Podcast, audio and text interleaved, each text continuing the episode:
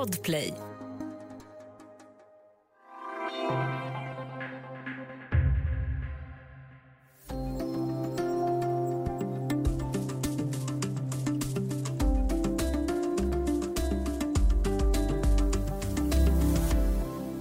Regeringsbildningen har dragit ut på tiden, men under tisdagen så äntrade Sveriges nästa statsminister Ulf Kristersson riksdagens talarstol för att leverera sin regeringsförklaring. Och enligt den så knakar det i balkarna på det svenska folkhemmet. Det här är Studio DN. Jag heter Johan Hilton. Välkommen Eva Stenberg, politisk kommentator här på DN. Tack så mycket.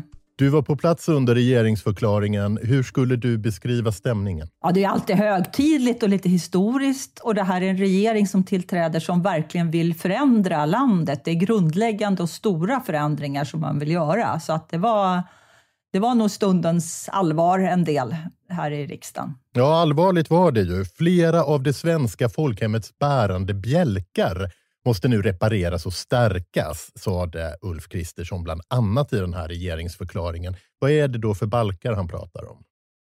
Ja, han talar ju om kriminalitet mycket. Han pratar om splittring i samhället. Han talar om ett oroligt omvärldsläge och en ekonomisk kris. Men det han knyter till, det han pekar ut som det enskilt största problemet, det är invandringen och hur en stor invandring utan någon god integrationspolitik har skapat problem. Och det är där de lovar ett paradigmskifte med en rad åtgärder som tidigare sju av riksdagens partier har ansett varit otänkbara eller alldeles för radikala, en del av dem. Mm, vi kanske kan lyssna på vad, vad han sa. Invandringen till Sverige har varit ohållbar. Regeringens besked är att så här kan det inte få fortsätta. Ett paradigmskifte kommer nu ske inom svensk migrationspolitik.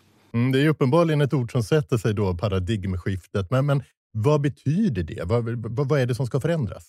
Det ska förändras på många fronter. Dels för första gången så pratar man om en återvandringspolitik. Eh, det ska bli mycket större ansträngningar för att utvisa människor som inte har sina papper i ordning, papperslösa med kontroller. Man ska på alla sätt skärpa regler och villkor för asylsökande. Det ska bli lägre ekonomiska ersättningar eh, och det ska bli hårdare krav. Man ska införa en slags vandelsprövning, talar man om, som är också ett sådant gammeldags ord som man inte har hört på, på ett tag. Det står i avtalet att eh, om eh, man, man, att man ska ha, eh, om man åtnjuter svensk gästfrihet ska man ha skyldighet att uppvisa respekt i förhållande till grundläggande svenska värderingar och inte i handling missakta befolkningen. Mm. Sådana formuleringar minns jag inte att jag har sett i någon regering. Eller det här är ju i och för sig regerings, det dokumentet, samarbetsdokumentet som regeringen vilar på. Men den här ordet vandelsprövning var ju också med i regeringsförklaringen, mm. även om inte alla detaljer var med. Så att det, det är ganska långtgående åtgärder. Man pratar om att se över om vi ska fortsätta med hemspråksundervisning i Sverige. Och det, det finns en hel, en hel eh, palett av olika åtgärder som alla pekar i en riktning och det är att ställa hårdare krav och göra svårare att komma till Sverige och göra det mindre förmånligt ekonomiskt att söka asyl i Sverige. Vad beror det på då? Eh, det beror ju på en, en analys då som, som Moderaterna och Kristdemokraterna och delvis Liberalerna, eller helt och hållet i det här avtalet, då, har anslutit sig till att invandringen är en gemensam nämnare för många samhällsproblem i Sverige. De knyter både ekonomiska problem och sociala problem som till exempel kriminaliteten, men också att Sverige har ett för högt skattetryck till frågor om, om invandring. Allt det här kan kopplas till invandringspolitiken med det här regeringssamarbetets sätt att se det. Och då är sättet att lösa både ekonomiska problem och kriminalitet och skolans problem, till exempel, att minska invandringen då. Man säger att man också ska förbättra integrationen på olika sätt då. Eh, men till dess att den fungerar bättre så ska man ha en väldigt låg invandring. Mm. Det är till, också till exempel en ganska dramatisk minskning av antalet kvotflyktingar man tar emot. Och där, så sent som 2014 så ville ju Sverigedemokraterna också ta emot ganska många kvotflyktingar. Och nu är de här fyra partierna ens om att det ska vara en radikal minskning. Mm. Han pratade också om ett nationellt säkerhetsråd. i, i regeringsförklaringen. Vad betyder det? Det är någonting som eh, Moderaterna har talat om ganska länge, eh, men som väl har blivit extra aktuellt nu med tanke på det stora kriget i Europa. Eh, och det, lite är det väl en amerikansk förebild då, men det är att statsministern ska ha vid sin sida personer som är väldigt kunniga i säkerhetspolitik och dess olika delar tillgängliga. Det, ska vara en, en öka, det skulle öka krisberedskapen och eh, beslutskraften så att säga kring statsministern. Mm. Eh, vi pratade om den här skärpta tonen och eh, eh, på tal om att peka i en riktning så, så, kan man väl också anta att en stor del av det kommer från inflytandet utav, av, av Sverigedemokraterna.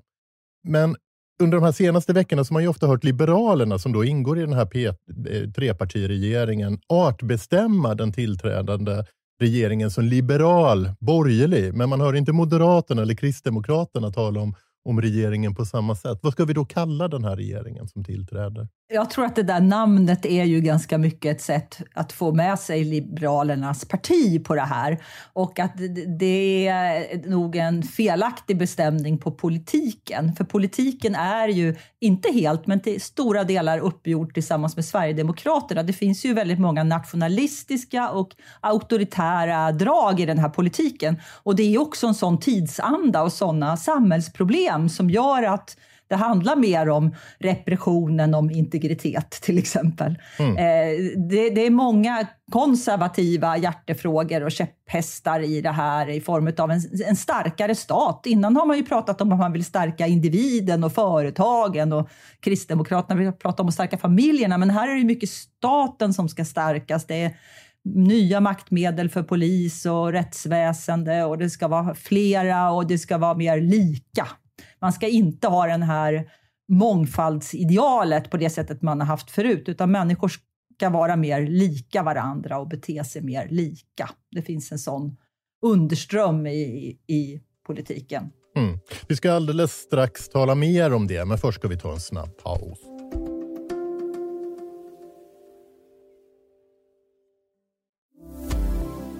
Det här är Studio DN där vi pratar om regeringsförklaringen med DNs politiska kommentator Eva Stenberg. Eh, Eva, Ulf Kristersson presenterade ju också sina tillträdande statsråd och det var en ganska diger lista. Får man säga. Det här är en väldigt ovanligt stor borgerlig regering. Ja, nu måste jag ju medge att jag inte har jämfört det med de förra, men den är väl ungefär lika stor som S och SMP-regeringarna var mm, i ministerposter. De, det är ju en del eh, poster de inte har kvar och så har de skapat en del nya. Och, och, på några departement känns det som de har skurit ganska tunna skivor så att säga och gett till varje minister för att få in många namn. Till exempel på socialdepartementet har fyra ministrar nu, det brukar det inte ha då. Mm. Men eh, å andra sidan, det var ju många som trodde att, eh, att justitieministern skulle få en inrikesminister vid sin sida och så var det inte, utan Gunnar Strömmer har hela rättspolitiken och polisväsendet och rättsväsendet i sin hand. Så att de, har, de har fördelat om, de har delat in regeringskansliet på ett lite annorlunda sätt. Men det är inte en exceptionellt stor regering. Ja. Så fanns det någon utnämning här som du, du höjde på ögonbrynen över? Ja, jag hade inte väntat mig att Tobias Billström skulle bli utrikesminister. Varför inte då? Han har inte jättestor erfarenhet av utrikespolitiken och den roll han har haft sista åtta åren har ju varit ganska konfrontatorisk. Och utrikespolitiken är ju ett område där Ulf Kristersson han har hållit det undan från Sverigedemokraterna faktiskt. Han har ju gett dem väldigt mycket inflytande på flera andra områden, men när det gäller utrikes, säkerhets och försvarspolitiken, där vill han ha ett samarbete med Socialdemokraterna. Och då hade jag tänkt att det här skulle vara en utrikesminister som var bra på att samarbeta mm. med Socialdemokraterna och som hade många internationella kontakter. Eh, Tobias Billström är ju en väldigt rutinerad politiker. Han har varit minister, han har gjort en massa saker, så det är absolut inte en gröngöling. Men han har ju inte jobbat exakt med de sakerna. Och på Twitter har han ju varit alltså en slugger snarare än en samarbetspolitiker. Så på så sätt så, så var det lite oväntat. Jag trodde att det skulle vara någon med uppslipade kanaler, framför allt till Ankara då med tanke på NATO-ansökan och, och, eh, och som hade väldigt goda kontakter med Socialdemokraterna. Men kanske är det så att Billström, han är ju en trevlig person, han kanske har bra kontakter med Socialdemokraterna, det är bara att det ser man inte på Twitter eller i offentligheten. Han har ju redan varit framme och, och, sagt att han inte tänker använda begreppet feministisk utrikespolitik framöver. Var, varför var det så viktigt att markera det, tror du? Eh, ja, men det är väl för att det har varit bärande i förra regeringens eh, politik väldigt mycket och mm. eh, här vill han signalera någonting annat. Men faktum var att även biståndsministern som Moderaterna hade när Billström satt i regeringen under Fredrik Reinfeldts tid, hon hade ju också ett fokus på kvinnor. Så att, ja, det, det är väl lite en markering av förändring, tänker jag också. Att de vill visa att nu är det någonting annat och de är, fokuserar mer på de hårda frågorna, så att säga, NATO och så. Mm. Eh, en liten parentes bara, när det gäller det här med Billström och förvåningen. Jag vet inte om ni kommer ihåg, men han Eh, Billström kallade ju Morgan Johansson för lögnaktig kanalje när de ville Just rösta det. bort Morgan Johansson som justitieminister. Och denna lögnaktiga kanalje är nu den person som Tobias Billström som utrikesminister måste samarbeta med. Därför att han är ju ny utrikespolitisk talesperson, Morgan Johansson. Han har ju bytt stol. Så nu sitter liksom Billström och kanaljen här då och ska tillsammans i stor enighet och god sämja föra landet in i NATO. Det ser nästan ut som en tanke. Ja, det gör ju lite det. Ja. Eh, jag är ju kulturjournalist i grunden, men jag misstänker att jag ändå inte är den enda som aldrig hade hört talas om eh, den tillträdande kulturministern Parisa Liljestrand. Vem är hon? Ja, eh, jag har ju inte hört talas om henne så mycket, men jag har sett henne på två moderata tillställningar. Dels på deras stämma som de hade i höstas och sen var hon med på ett seminarium som de har hållit. De har pekat på henne mycket som framåt. Hon är relativt ung, hon är, eh, har kommit som flykting till Sverige, hon är född i Iran men hon har växt upp eh, större delen av sin uppväxt då i Vallentuna. Där grundade hon faktiskt ett helt annat parti som var såna direktdemokrater som hette DemoX som mm. ville ha direktdemokrati. Men sen bytte hon då 2010 och blev engagerad i Moderaterna. Eh, och nu har hon varit kommunalråd i Vallentuna då. Hon är eh, lärare och har varit eh, rektor i Vaxholm tidigare. Eh, sen har vi en annan nyutnämnd minister, nämligen Lotta Edholm.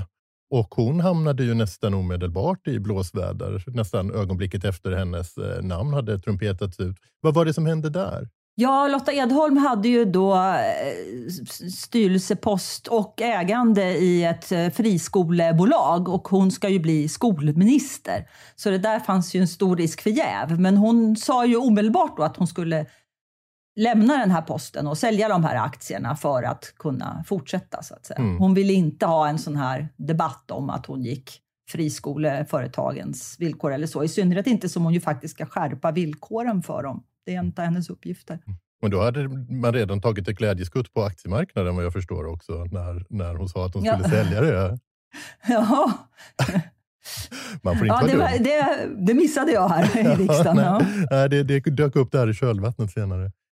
Fanns det då något namn som du saknade bland eh, statsråden? Ja, det fanns ju en person som jag har tänkt kanske skulle kunna komma med och det är Hans Wallmark, eh, utrikespolitisk talesperson för Moderaterna.